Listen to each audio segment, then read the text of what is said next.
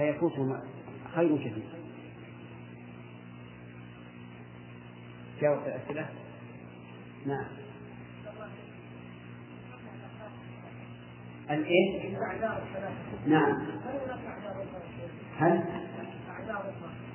هذا هذا الثلاثة هذه جامعة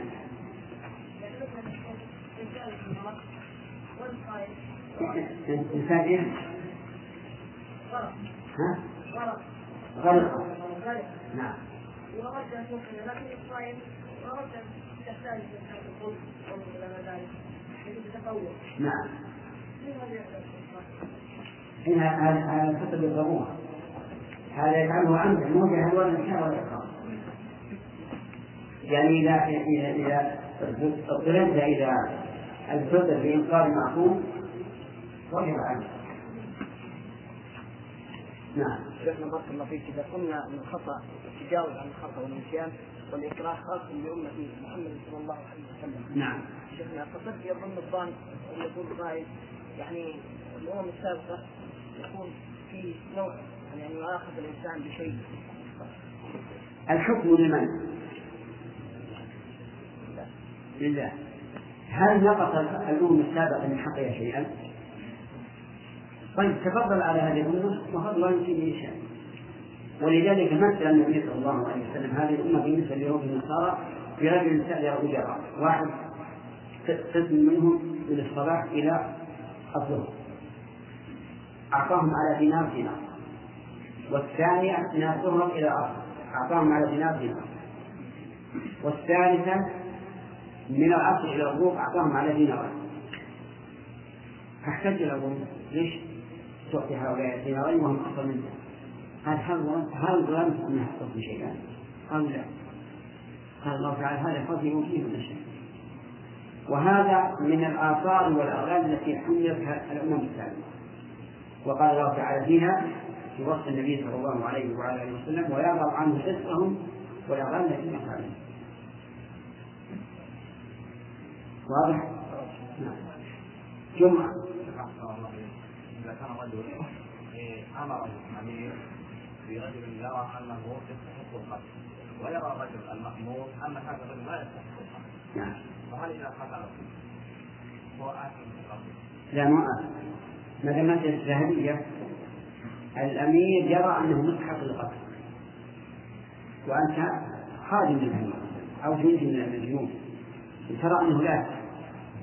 في نظرك أنت تقتله ولا تبالي أما إذا علمت أن السلطان العام ظالم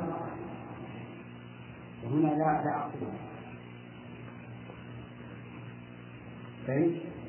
في مسائل بعض يرى أنها أنها كبيرة الدم بعض لا بأس إذا كان الإمام نعرف أنه رجل لا ولا يدخل وأمر أن أقتل فلان وأنا لا أرى أنه يباح الدم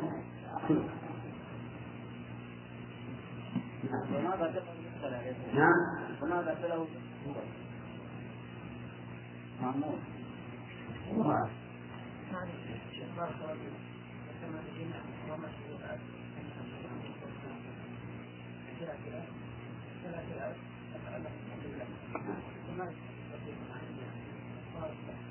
نعم أحسنت وجيه. قتل الخطأ كان قتل أنا خطأ تجب الجهل من حق ما في أحد لكن لماذا تجب الكفار؟ تجب الكفار لعظم الدماء. أو جئنا قسمنا أن يحلف المقتول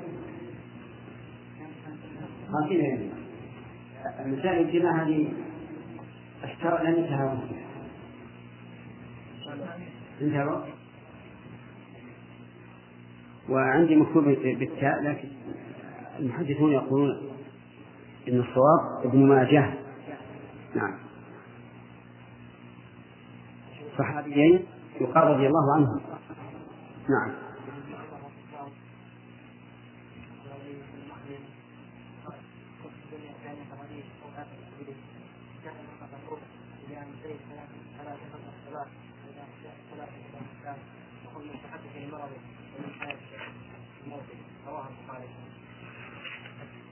بسم الله الرحمن الرحيم الحمد لله رب العالمين وصلى الله وسلم على نبينا محمد وعلى آله وأصحابه ومن تبعهم بإحسان إلى يوم الدين. آه، ما حكم معاداة أولياء الله؟ بس؟ أي نعم من كبار الذنوب. الدليل؟ طيب. هل يدل هذا الحديث هذه الجملة على أن موالاة أولياء الله محبوبة إلى الله؟ نعم. بناء على الاستدلال بالضد على ضده طيب. يلا غانم ما معنى قوله تبارك وتعالى في الحديث القدسي؟ كنت سمعا. إلى آخر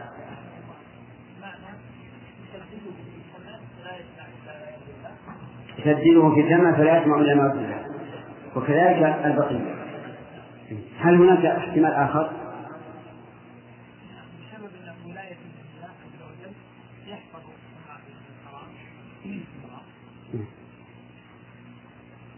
هذا هذا المعنى هو الأول نعم ما في أحد؟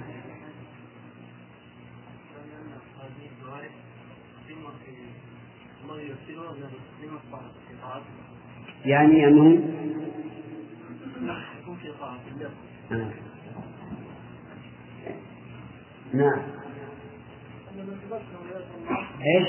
ان من تذكر ولايه الله له حفظ نعم حفظ سمعه بمعنى أنه آه، إذا أحس بالشيء لا يسمع إلا صدق لا يسمع إلا صدق وهو قريب من المعنى الأول قوله لئن سألني لأعطينه ولا لا؟ الفاجر نعم هل هذا على إطلاقه وعمومه أو لا؟ أو يستثنى منه شيء؟ سؤال هل هو على عمومه وإطلاقه أو يستثنى منه شيء؟ ما الذي يستثنى؟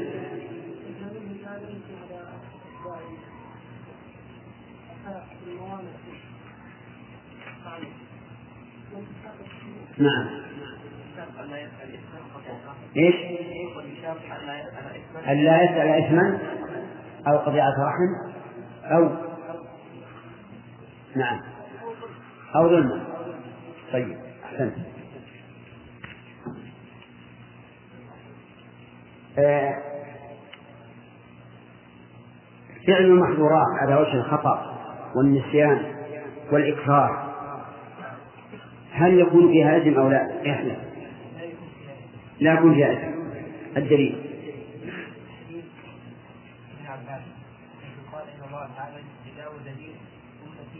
عن أمة. الخطأ. أحسنت. هل لهذا الحديث شواهد من القرآن والسنة؟ ها طيب. هات واحد.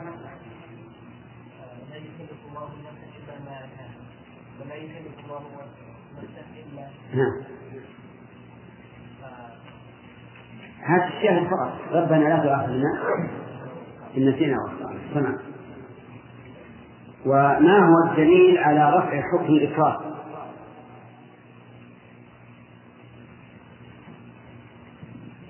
قل أنت.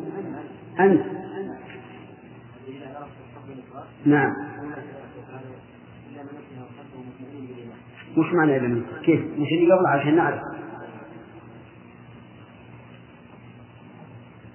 من كفر بالله. من كفر بالله من بعد إيمان. إيش؟ اصبر. لا لا لا تبات من عندي. من كفر بالله من بعد إيمان. إلا من أكره وقلبه. فعليهم من الله ولهم عذاب عظيم. طيب. هل يفرق يا سعد بين الإكراه على القول وعلى الفعل أو هما سواء؟ كيف؟ الإكراه على الفعل؟ على القول؟ ربما يتلفظ إذا اطمأن القلب إلى الخوف فإنه يؤخذ فإنه يؤخذ يعني إذا اطمأن هذا ما ما, ما في إشكال. هذا مثل مكره القول قول الإسلام والفعل فعل الجواز هل يفرق بينهما في الإكراه أو لا؟ يفرق بينهما كيف يفرق؟ يفرق الفعل الفعل وقضى يكون الإنسان قول الفعل لا يؤاخذ يؤاخذ في عليه في الإكراه والقول لا. أو بالعكس إذا أردت تكرير نعم. كيف؟ الفعل والقول أي لا يفرق بينهما في الإكراه لا فصل بينهما طيب ليش تقول بينهما؟ طيب رجاء الآن؟ توافقون على رأيي؟ نعم. طيب هل يفرق بين المحظورات والمأمورات في هذا الباب؟ صالح. يفرق. ها؟ اي نعم. لا لا اسم ولا يترتب عليه شيء طيب أي نعم. أعد أعد السؤال الجواب. أعد الجواب. لا اسم عليه ولا يترتب عليه شيء نعم لا إثم عليه ولا شيء عليه من الأحكام يترتب عليها طيب. فقط. لا بد أن يقضي ما أمكن القضاء. طيب. هل يستثنى من المحظورات شيء؟ بمعنى أنها لا تسقط بالجهل ولا باللسان ولا بالإكراه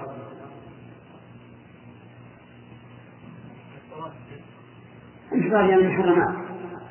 المحظورات يعني المحرمات. لا يستثنى شيء. نعم. يستثنى حقوق الآدميين. فإن الإنسان يؤاخذ عليها بالضمان ولو كان جاهلا أو ناسا أو مكرها تمام؟ أجل طيب. أرأيت لو أكرمك إنسان على أن تفسد مال هذا الرجل؟ نعم. إيش؟ كيف؟ مش المجوز؟ هو أكره قال إما أن تفعل وإلا حبس. كيف؟ ما هو بنفسه. ما أنت ما هو قتل هذا. تفسد مال فلان سبحان الله. أنت الآن حكمت في الموضوع. وش ما يجوز؟ مكره هذا. مكره. يا عبد القادر عبد الله اي يعني أقول يسقط من الإثم لأنه مكره. ولكن عليه الضمان ولهذا نحن عبرنا بقولنا إلا حقوق حقوق الآدمي ففيها الضمان ولو كان مكره صحيح؟ طيب. يستثنى من حق الله عز وجل كفارة الخطأ في القتل. فإن فيها فإن فيها كفارة وإن كان مخطئا. والجواب عن ذلك تعظيما لشأن الدماء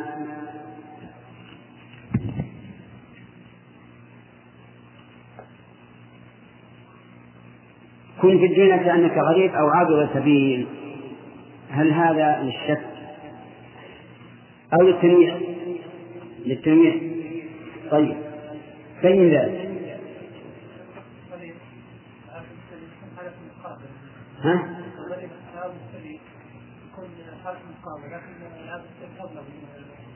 السؤال هل أو في هذا الحديث للشك أو للتنويع؟ كيف ذلك؟ كيف اختلف عن هذا السبيل؟ هي أشد ما أشد ما نعرف أشد من الغريب لم يتضح أن الغريب أشد أن عبد الكبير أشد نعم وليد ها؟ أنت ها؟ عدنان سبحان الله. أخطر دائما مع نعم. الغريب هو ما يخص جالس إنما ما يخص أحسن. مثل ابن السبيل ما يخص فهو ماشي الفرق أن الغريب مقيم بالبلد ماكن. لكن أو لم يتخذه وطنا. وأما ابن السبيل فهو ماشي. ما ما معه اقامه فيكون أو هنا للتنويع وليس للشرك لماذا أخذ النبي صلى الله عليه وعلى آله وسلم بمناكبه؟ نعم.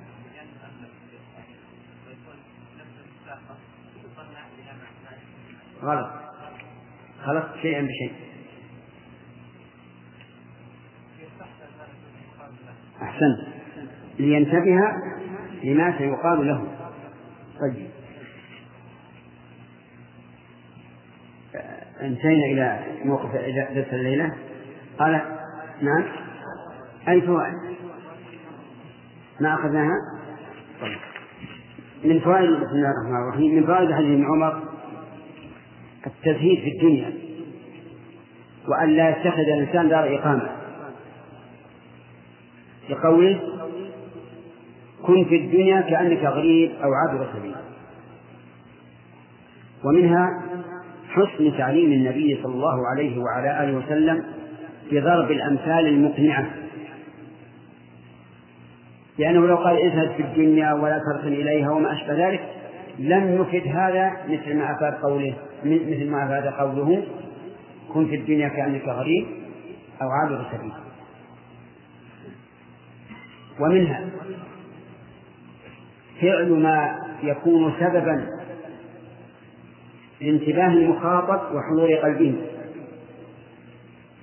لقوله أخذ بمنكبي بمنكبي. ونظير ذلك أن النبي صلى الله عليه وعلى آله وسلم لما علم ابن مسعود التشهد أمسك كفه وجعله بين كفيه حتى انتبه. ومنها الموعظة التي ذكرها ابن عمر. أن أن أن من أصبح لا ينتظر المساء وذكرنا لها وجهين في المعنى وكذلك من أمثلة لا ينتظر الصباح. والموعظة الثانية أن يأخذ الإنسان من صحة لمرض. لأن الإنسان إذا كان في صحة كما شرحنا تسهل عليه الطاعات واجتناب المحرمات بخلاف ما إذا كان مريضا. ومن حياتك لموتك أيضا واضح. قال الحديث التاسع والثلاثون عن ابن عباس رضي الله عنهما أن رسول الله صلى الله عليه وسلم نعم. الحديث الحادي والأربعون. عن أبي محمد عبد الله بن عمرو بن العاص رضي الله عنهما. قال قال رسول الله صلى الله عليه وعلى آله وسلم لا يؤمن أحدكم حتى يكون هواه تبعا لما جئت به. عبد الله بن عمرو العاص رضي الله عنه من من المكثرين رواية للحديث. لأنه كان يكتب. وكان أبو هريرة رضي الله عنه يضبطه على هذا. ويقول لا أعلم أحدا أكثر حديثا مني عن رسول الله صلى الله عليه وعلى آله وسلم إلا عبد الله بن عمرو فإنه كان يكتب ولا أكتب. يقول لا يؤمن أحدكم يعني الإيمان الكامل. حتى يكون هواه تبعا لما جئت به. هواه أي اتجاهه وقصده. تبعا لما جئت به أي من الشريعة. ففي هذا الحديث تحذير الإنسان من أن يحكم العقل أو العادة على مقدما إياها على ما جاء به الرسول صلى الله عليه وسلم. وجه ذلك نفي الإيمان عنه. فإن قال قائل لماذا حملتموه على نفي الكمال؟ فالجواب أن حملناه على ذلك لأنه لا يصدق في كل مسألة لأن الإنسان قد يكون هواه تبعا لما جاء به الرسول في أكثر مسائل الدين. وفي بعض المسائل لا يكون هواه تبعا. فيحمل على نفي الكمال ويقال إن كان هواه لا يكون تبعا لما جاء بالرسول في كل الدين فحينئذ يكون مرتدا.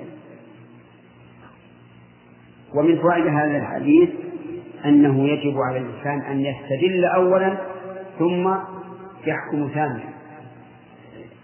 لا أن يحكم ثم يستدل. بمعنى أنك إذا أردت إثبات حكم في العقائد أو في الجوارح. فاستدل أولا ثم احكم.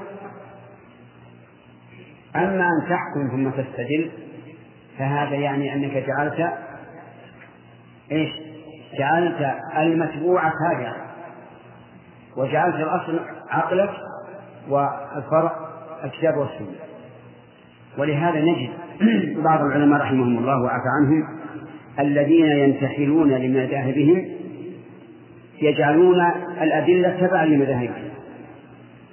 ثم يحاول أن يلوي أعناق النصوص إلى ما يقتضيه مذهبه على وجه مستكره بعيد. وهذا من المصائب. هذا من المصائب الذي ابتلى به بعض العلماء. والواجب أن يكون هواك تبعا لما جاء به الرسول صلى الله عليه وسلم. ومن فوائد هذا الحديث تقسيم الهوى إلى محمود ومذموم والأصل عند الإطلاق المذموم. كما جاء ذلك في الكتاب والسنة كلما ذكر الله تعالى اتباع الأهواء أو الهوى فهو على وجه الذم. لكن هذا الحديث يدل على أن الهوى ينقسم إلى قسمين. محمود وهو ما كان تبعا لما جاء به الرسول صلى الله عليه وعلى آله وسلم. والثاني مذموم وهو ما خالف ذلك. وعند الإطلاق يحمل على المحمود أو المذموم. يحمد على يحمل على المذموم. ولهذا يقال الهدى ويقابله الهوى. ومن فوائد هذا الحديث وجوب تحكيم الشريعة في كل شيء. لقول لما جئت به. والنبي صلى الله عليه وسلم جاء بكل ما يصلح الخلق.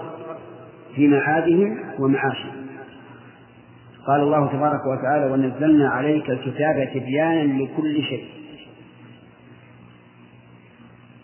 فليس شيء يحتاج الناس إليه في أمور الدين أو الدنيا إلا بينه والحمد لله إما بيانا واضحا يعرفه كل أحد وإما بيانا خفيا يعرفه الراسخون في العلم. ثم قال المؤلف الحديث الثاني والأربعون. عن أنس بن مالك رضي الله عنه قال سمعت رسول الله صلى الله عليه وسلم يقول قال الله تعالى طيب. الحديث يقول حديث حسن صحيح. رويناه في كتاب الحجة بإسناد صحيح. تعقب ابن رجب هذا التصحيح من المؤلف وقال الحديث لا وذكرت لكم قبل الآن أنه يحسن أن تتبعوا شرح ابن رجب ابن رجب رحمه الله وتعلقوا تعقيبه على الأحاديث. لأن ابن رجب رحمه الله حافظ من حفاظ الحديث. وهو إذا عل الأحاديث التي ذكرها الشيخ رحمه الله عن النووي يبين وجه العلة لكن هذا المعنى معنى الحديث بغض النظر عن إسناده معناه صحيح. وأن الإنسان يجب أن يكون هواه تبعا لما جاء به النبي صلى الله عليه وعلى آله وسلم. قال عن ابن مسعود عن أنس رضي الله عنه قال سمعت رسول الله صلى الله عليه وسلم يقول قال الله تعالى يا ابن آدم. قال الله هذا حديث قدسي عند أهل العلم. ويقال في الحديث القدسي في تعريفه التعريف السالم هو ما رواه النبي صلى الله عليه وعلى آله وسلم عن ربه. ولا تبحث هل رواه بالمعنى أو رواه باللفظ لأنك غير مكلف بهذا. أن تقول كما قال الصحابة حين نقل الحديث فيما يرويه عن ربه.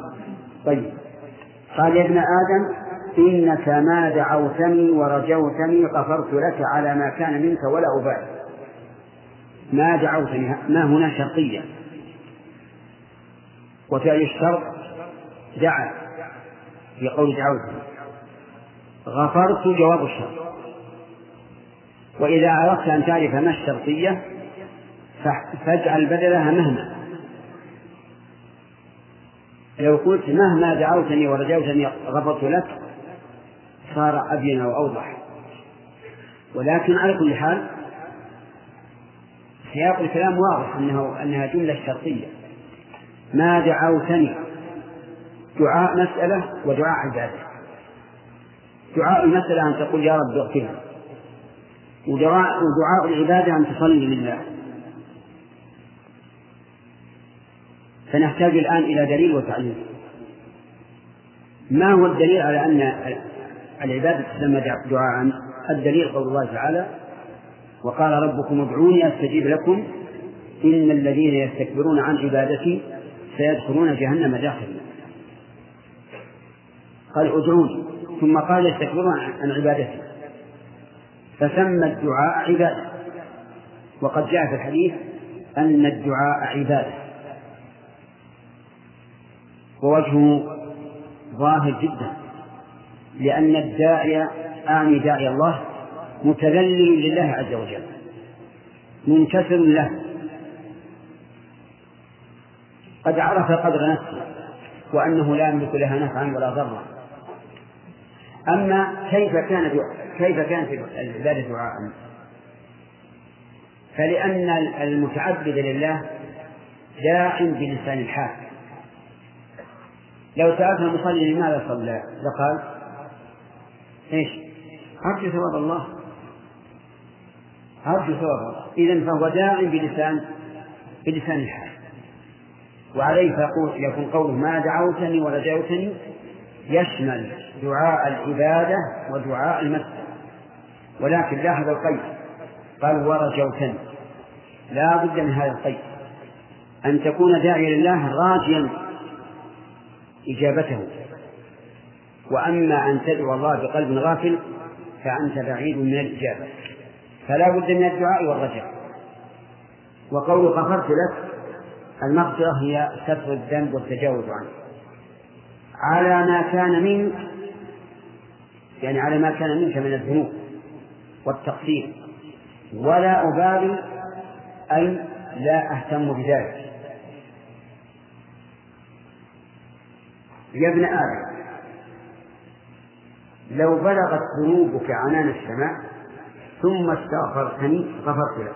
اللهم لك لو بلغت ذنوبك عنان السماء يعني أعلى السماء. وقيل أن أعنان السماء ما عن لك حين تنظر إليه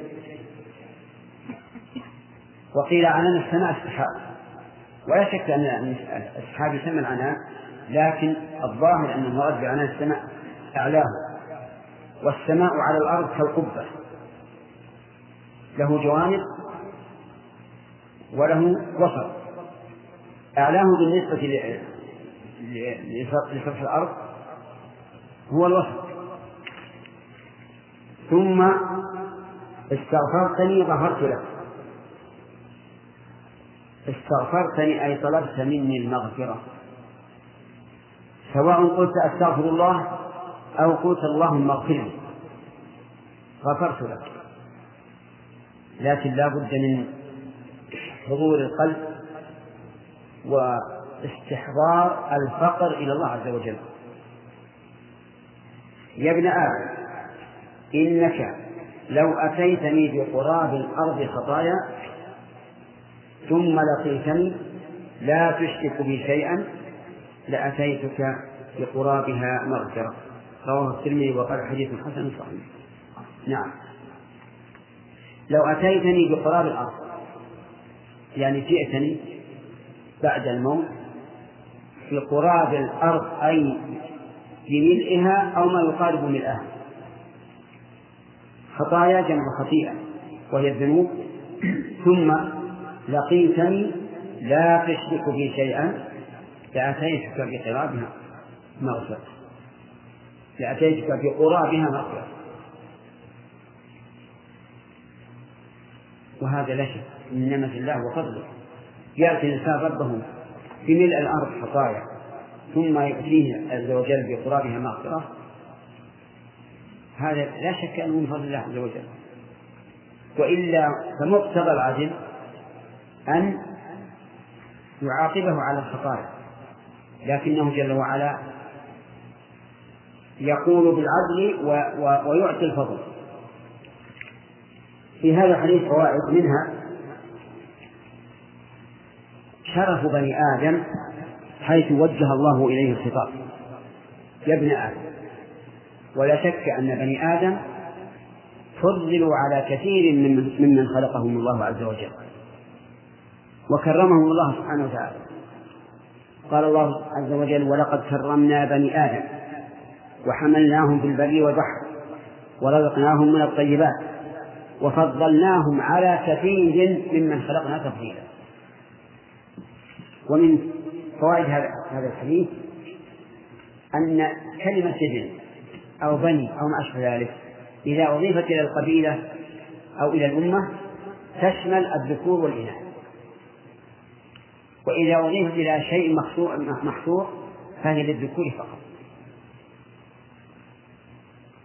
هنا مضاف إليه كابن آدم.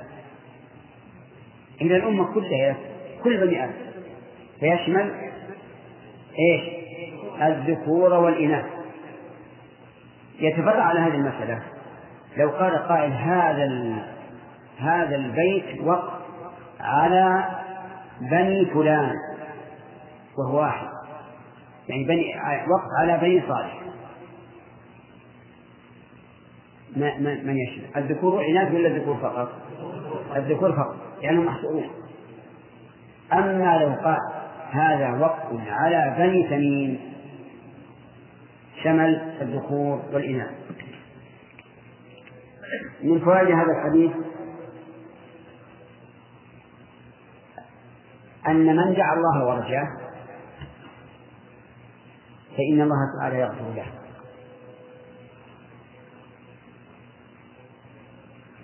ومن فوائده أنه لا بد مع الدعاء من رجاء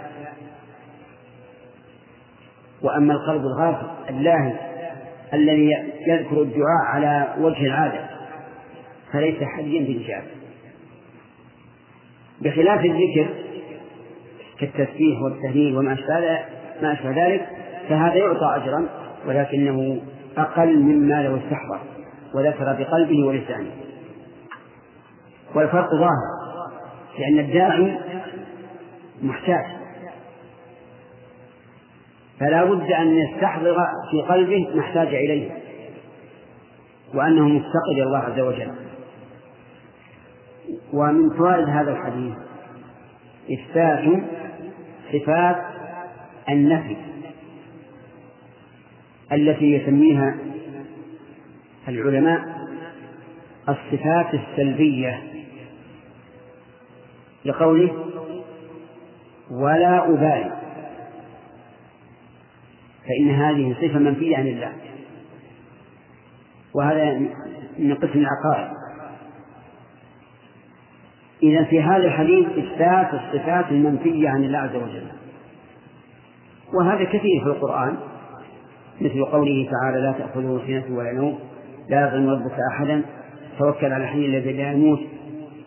وهي كثيرة. ولكن اعلم أن المراد بالصفات المنفية إثبات كمال الضد. فيكون نفي المبالاة هنا يراد به كمال السلطان والفضل والإحسان وأنه لا أحد يعترض على الله أو يجادله فيما أراد فيما أراد نعم. الصفة السلبية هنا ما هي؟ لا أبالي يعني انتفاء المبالاة الثبوتية التي تضمنتها هذه؟ كمال السلطان والفضل والإحسان. نعم. ومن فوائد هذا الحديث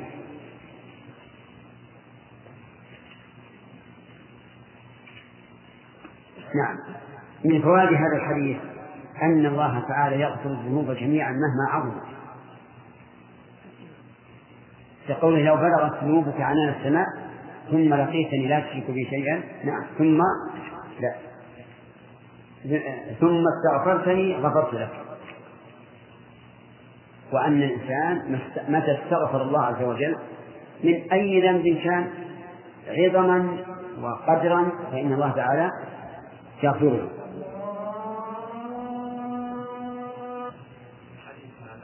ها؟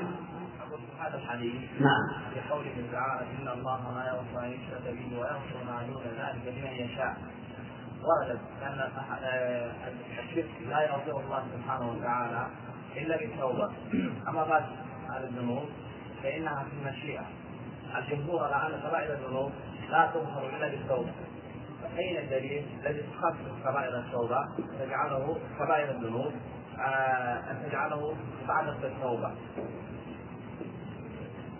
نعم. أحمد؟ نعم. نعم تفضل. الله فيكم. آه، يعني ابن تيمية رحمه الله تعالى فصل في نفي الإيمان كلام نعم. وهذا نفهم معناه منكم. نعم. وهو آه، قوله أن أن الله أن النبي صلى الله عليه وعلى آله وسلم إذا نفى الإيمان عن شخص إذا فعل فعلا أو ترك امرا آه، فإن هذا نفي للإيمان الواجب. نعم ومثل بقوله لا يزني الزاني حين يزني وهو مؤمن فقال هذا يرتقي من الإيمان إلى درجة الإسلام. ما توضيح هذا الكلام؟ صحيح الشيخ الإسلام رحمه الله يقول ونحن نقول بما قال. نفي الإيمان عن فعل أو ترك يدل على وجود هذا الشيء. لأنه لا ولا يمكن أن أن ينفى الإيمان عن فعل عن ترك مستحب مثلا أو فعل مكروه. وقولنا أن هذا نفي الكمال ليس معناه أن الكمال الذي هو النفي. الكمال الذي هو ضد الردة. هذا معناه نعم.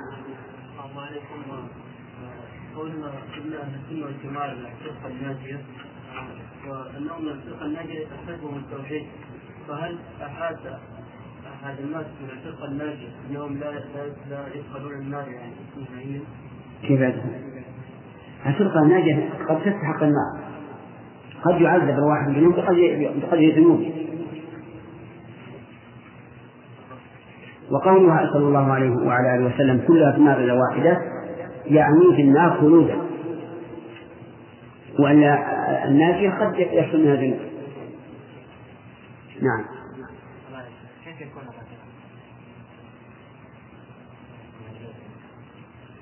ما تعرف الرجع الرجع يعني الطمع. في حصول مقصود. أنت لو سألت واحد من الناس وأنت ما تطمع أن يعطيك. ما ما ما تقول رجع رجوته لكن إذا طمعت فأن يعطيك هذا الرجع طيب. نعم. كيف؟ لا لا لا. يعني كون قلبك يطمع في حصول هذا الشيء. وذكرنا لكم الحديث ادعوا الله وأنتم موقنون بالإجابة. طيب. انتهى من الوقت. ها؟ لا لا غلطان. طيب نمشي. آه، نعم. من فوائد هذا الحديث قلنا أن الإنسان لو بلغ بلغ الذنوب ما بلغ ثم استغفر الله غفر الله له. وهذا كقوله تعالى ومن يعمل سوءا أو يظلم نفسه ثم يستغفر الله يجد الله غفورا رحيما. ولكن هل الاستغفار مجرد قول الإنسان اللهم اغفر لي أو أستغفر الله؟ لا. لا بد من فعل أسباب المغفرة. وإلا كان دعاؤه كالاستهزاء. كما لو قال الإنسان اللهم ارزقني ذرية طيبة. هل معناها أن تسأل فقط ولا تعمل لحصول الذرية أو تعمل لحصول الذرية؟ تعمل. إذا فما هو الذي يحصل به المغفرة؟ الذي تحصل به المغفرة التوبة. التوبة إلى الله عز وجل. وحينئذ نتكلم على التوبة بإسهاب التوبة من تاب يتوب إذا رجع. وهي الرجوع من معصية الله إلى طاعته. هذه التوبة. الرجوع من معصية الله إلى طاعته. ويشترط لها خمسة شروط. الشرط الأول الإخلاص والثاني الإقلاع والثاني الندم على ما حصل والثالث الإقلاع والرابع العزم على أن لا يعود والخامس أن يكون في وقت تجاب فيه التوبة أو في وقت تقبل فيه التوبة. خمسة شروط. الإخلاص امشوا معنا والندم والإقلاع والعزم على أن لا يعود وأن يكون في وقت تقبل فيه التوبة. أما الإخلاص فإنه شرط في كل عبادة والتوبة من العبادات. قال الله عز وجل وما أمروا إلا ليعبدوا الله مخلصين له الدين. فمن تاب مراعاة للناس أو تاب خوفا من سلطان لا تعظيما لله عز وجل فإن توبته غير مقبولة. الثاني الندم وهو انتصار الإنسان وخجله أمام الله عز وجل. أن فعل ما ما نهى عنه أو ترك ما أوجب عليه. فإن قال قائل الندم انفعال في النفس. كيف يسيطر الإنسان عليه؟ فالجواب أنه يسيطر عليه إذا أشعر نفسه بأنه في خجل من الله عز وجل وحياء من الله ويقول ليتني لم أفعل وما أشبه ذلك. وقال بعض أهل العلم إن الندم ليس بشرط أولا لصعوبة لصعوبة معرفته. والثاني أن أن الرجل إذا أقلع فإنه لم يقلع إلا وهو نادم وإلا لاستمر. لكن أكثر أهل العلم رحمهم الله على أنه لا بد من ذلك. لا بد أن يكون في قلبه ندم. الثالثة الإقلاع عنها أي عن المعصية التي تاب منها. فإن كانت المعصية ترك واجب يمكن تداركه وجب عليه أن يقوم بالواجب. كما لو أذنب الإنسان بمنع الزكاة. فإنه لا بد أن امشوا لا بد أن يؤدي الزكاة. أو كان فعل محرم مثل أن يسرق لشخص مالا ثم يتوب فلا بد أن يرد المال إلى صاحبه. وإلا لم تصح توبته. فإن قال قائل هذا رجل سرق مالا من شخص وتاب إلى الله. لكن المشكل كيف يؤدي هذا المال إلى صاحبه؟ يخشى إذا أدى المال إلى صاحبه أن يقع في مشاكل.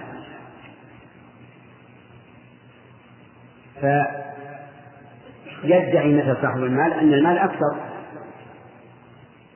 أو يتهم هذا الرجل ويشيع, عنه أو ما أشبه ذلك. فماذا يصنع؟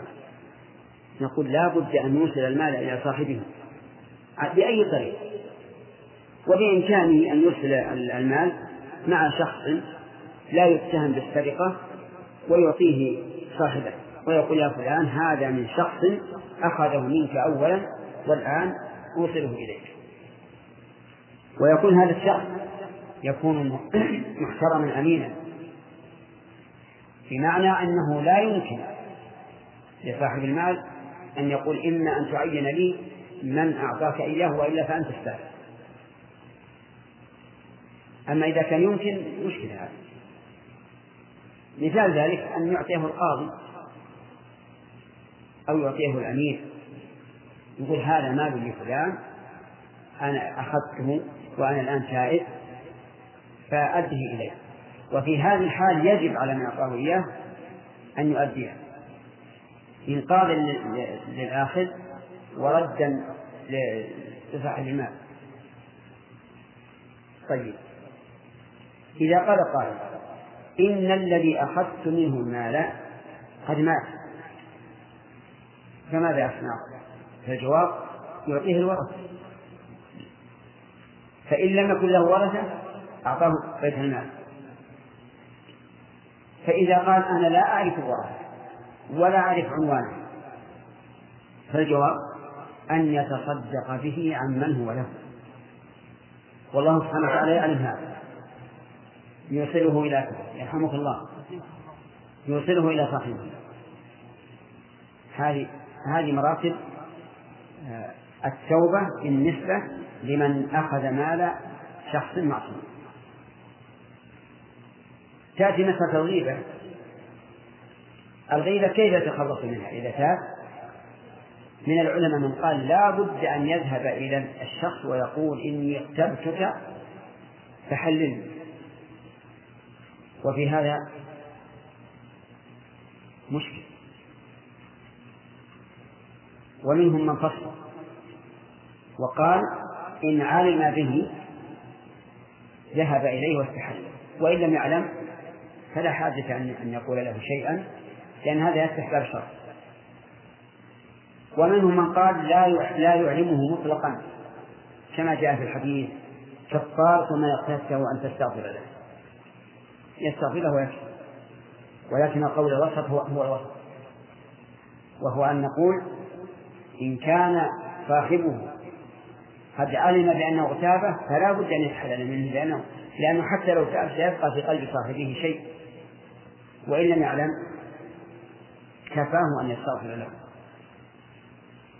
هذا الشق الثالث. نعم. نعم. الإقلاع هذا الإقلاع. الرابع العزم على أن لا يعود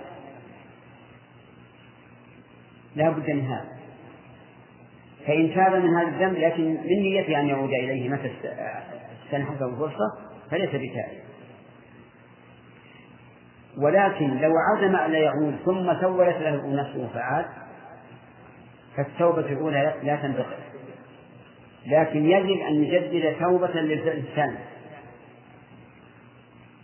ولهذا يجب أن نعرف الفرق بين أن نقول من الشرط أن لا يعود أو نقول من الشرط العزم على أن لا يعود. نعم؟ الثاني وبينهما فرق ظاهر. طيب. الخامس أن تكون التوبة وقت القبول قبول التوبة. فإن كانت في وقت لا تقبل فيه لم تنفع. وذلك نوعان. نوع خاص ونوع عام. النوع الخاص إذا حضر للإنسان أجله فإن التوبة لا تنفع. يقول الله تعالى وليست التوبة للذين يعملون السيئات حتى إذا حضر أحدهم الموت قال إني تبت الآن. ولما غرق فرعون قال آمنت أنه لا إله إلا الذي آمنت به بنو إسرائيل وأنا من المسلمين. فقيل له الآن وقد عصيت قبل وكنت من المفسدين؟ يعني الآن تسلم يعني ولم ينفعه؟ وأما العام وهو النوع الثاني العام فهو طلوع الشمس من مغربها. فإن الشمس تشرق من المشرق وتغرب في المغرب فإذا طلعت من المغرب آمن الناس كله ولكن لا ينفع نفسا إيمانها لم تكن آمنت من قبل أو كتبت في إيمانها خيرا.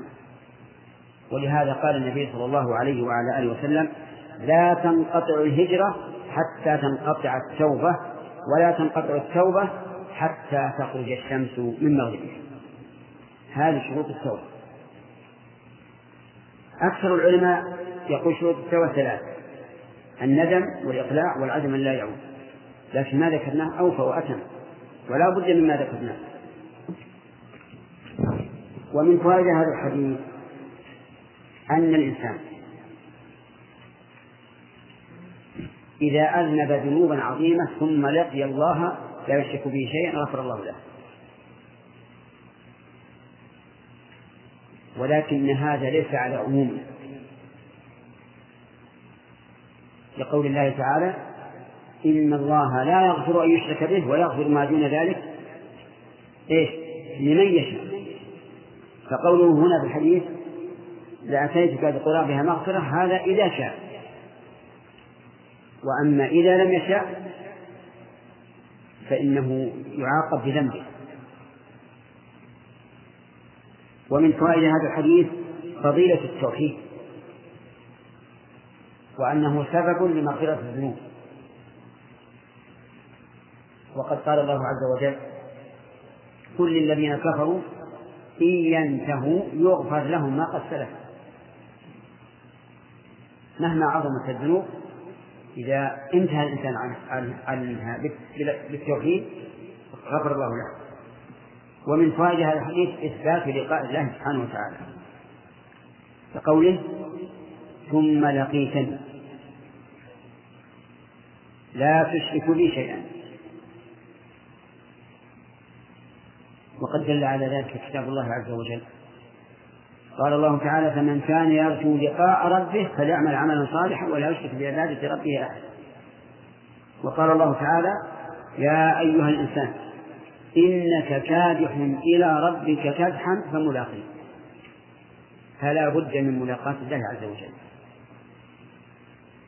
والنصوص في هذا كثيرة. فيؤخذ من ذلك أنه يجب على الإنسان أن يستعد لملاقاة الله وأن يعرف كيف يلاقي الله. هل يلاقيه على حال مرضية عند الله عز وجل أو على العكس؟ ففتش نفسك وأعرف ما أنت عليه.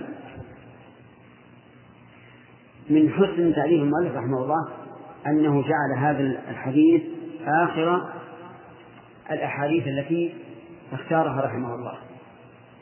المختوم بالمغفرة. وهذا يسمى عند البلاغيين براعة نعم الاختتام عندهم براعة الاختتام وبراعة الافتتاح إذا افتتح الإنسان كتابه بما يناسب الموضوع يسمونها براعة الافتتاح مثل قول ابن حجر رحمه الله في البلوغ الحمد لله على نعمه الظاهرة والباطنة قديما وحديثا. يشير إلى أن هذا الكتاب إيش؟ في الحديث. نعم. وإلى هنا ينتهي ينتهي الكلام على الضعيف نسأل الله أن يجعلنا ممن سمع وانتفع. وأرجو أن يكون أكثركم أو كلكم قد حفظه لأنها أحاديث مهمة. أما ما بقي من الليالي فإنها ستكون في بقية العقيدة. من باقي العقيدة بقي يمكن حوالي الثلث الله نعم. نكملها إن شاء الله تعالى في الليالي نعم.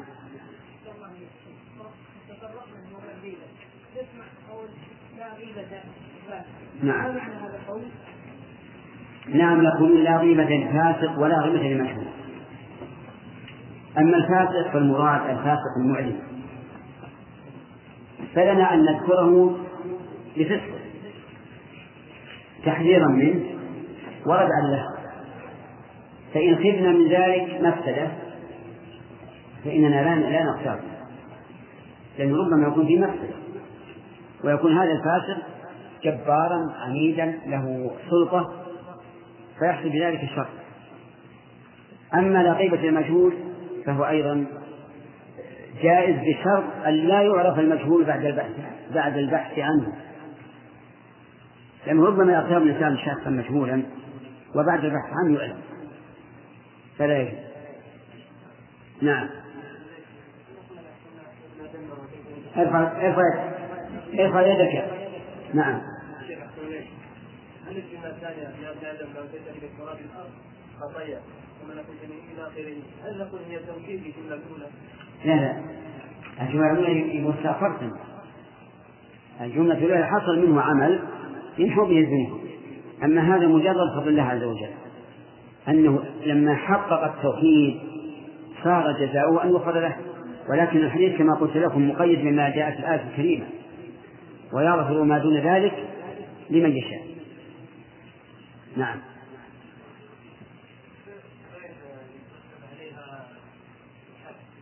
الكبائر. لا ما هو على كل حال. الكبائر فيها فيها ما يترتب عليها نعم. الكبائر التي يترتب عليها الحد هل سؤالك؟ طيب. ما ما يقع عليه الحد هذا الإنسان إنما يتوب إلى الله هل الله يغفر له ذنوب ولا ما يغفر؟ نعم يغفر له ذنوب. إذا تاب قبل القدرة عليه محى الله عنه الذنب نعم. ارفع اليوم اسال تفضلتم قبل قليل في الاجابه عن سؤال الاخ وقلتم جزاكم الله خير يقولون أن لا غيبه للفاتح ولا غيبه للمجهول نعم. من الذي يقول؟ العلماء ام هو حديث؟ لا لا ليس حديثا نعم من الذي قال هذه مشهورة عند العلماء. مشهورة عند العلماء. نعم. حفظك الله ألا يجوز أن يطلق الإنسان العموم في التحلل من الغيبة مثلا أن يقول يا فلان لعلنا أخطأنا في حقك فسامحنا بدل أن يقول له قد قلت فيك كذا وكذا وإذا قال ماذا قلت؟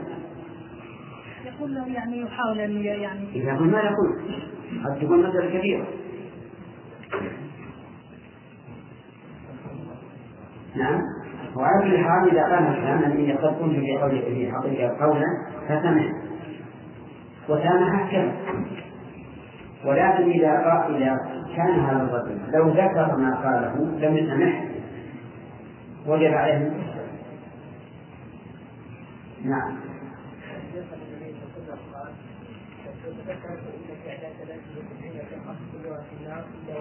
نعم.